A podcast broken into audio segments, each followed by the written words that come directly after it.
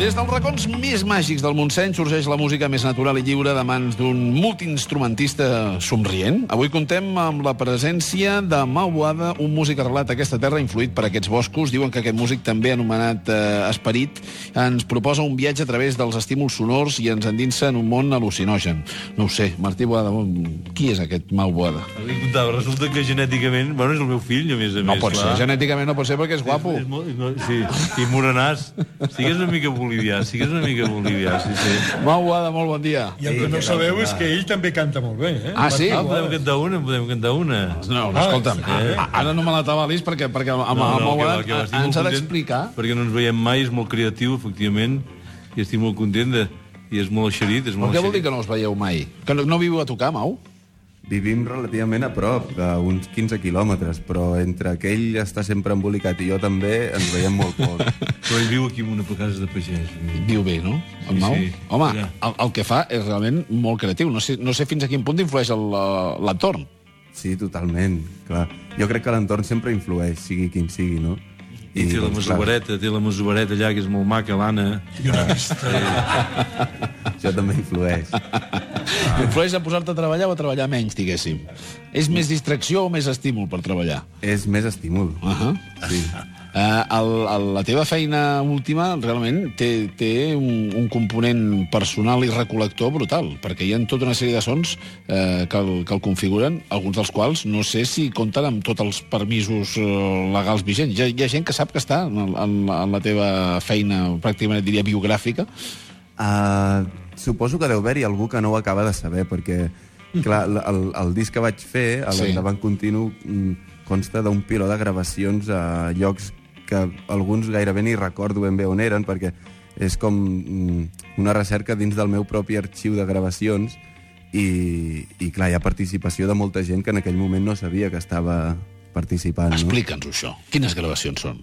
Doncs, per exemple, no sé, una gravació està en el tren o estan, estan al bosc o estan en un àmbit en un ambient concret, o, o un dia a la meva habitació quan vivia a Badalona amb un amic suec que estàvem tocant, i llavors, doncs... De No n'hi ha cap de la aquestes- Camarga, d'aquestes, eh? Perdó? No n'hi ha cap del restaurant de la Camarga, del Mètodo 3, Rei Legal, tot. Uh, ara que ho dius... Eh, no, no. I, I tot això ho tenies arxivat i de sobte dius, calla, que, de, que això és un material de, de primer nivell. És la meva vida, també. Sí, sí. De fet, jo treballo així des de que, des de que gravo, no? Des de uh, que tenia 18 o 19 anys que ja em vaig comprar una gravadora i doncs eh, sempre la porto al damunt uh, i vaig gravant la, la situació que, que em sembli interessant, no?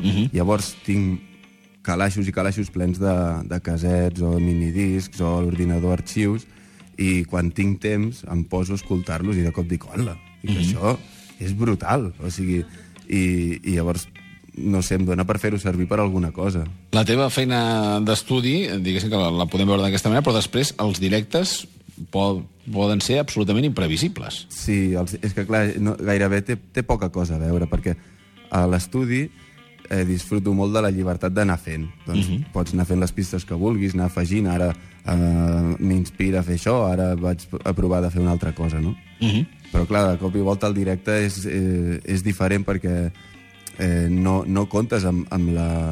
O sigui, has, has de... Eh, és tocar directament, no? I llavors, amb els mitjans que tinc, provoco una orquestra en, en directe. Home, ho podrem veure perquè, perquè has tingut la gentilesa d'actuar pel matí de Catalunya Ràdio, mm, però és ell sol, eh? El sentireu tocar l'harmònica, la guitarra i un bombo, diguéssim, sí. eh, però vaja, és, i la veu, i la veu. Wagensberg sempre dona l'apunt que, que falta per completar el quadre.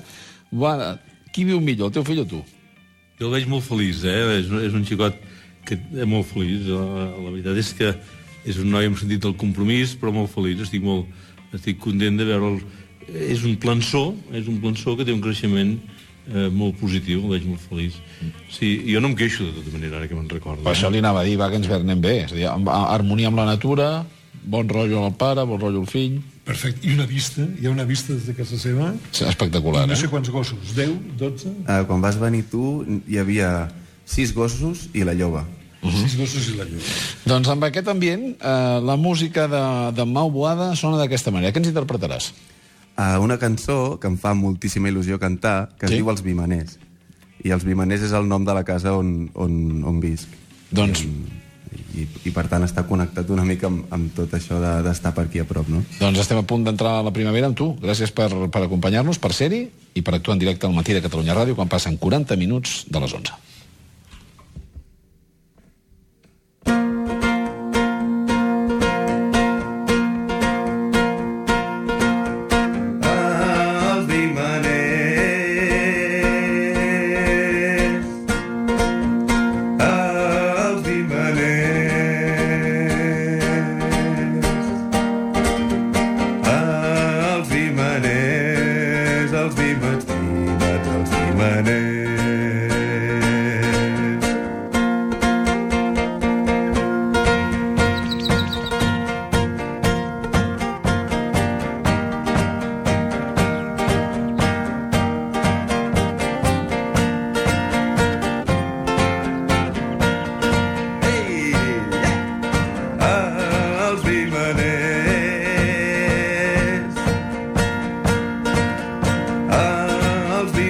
mujer.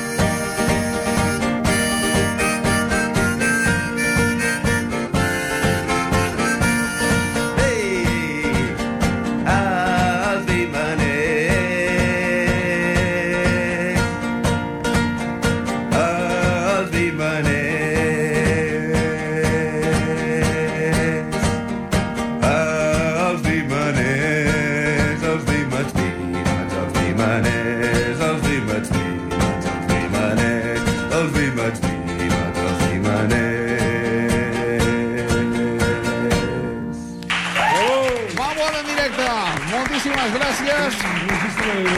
Pausa i arriben els domèstics. Catalunya Ràdio.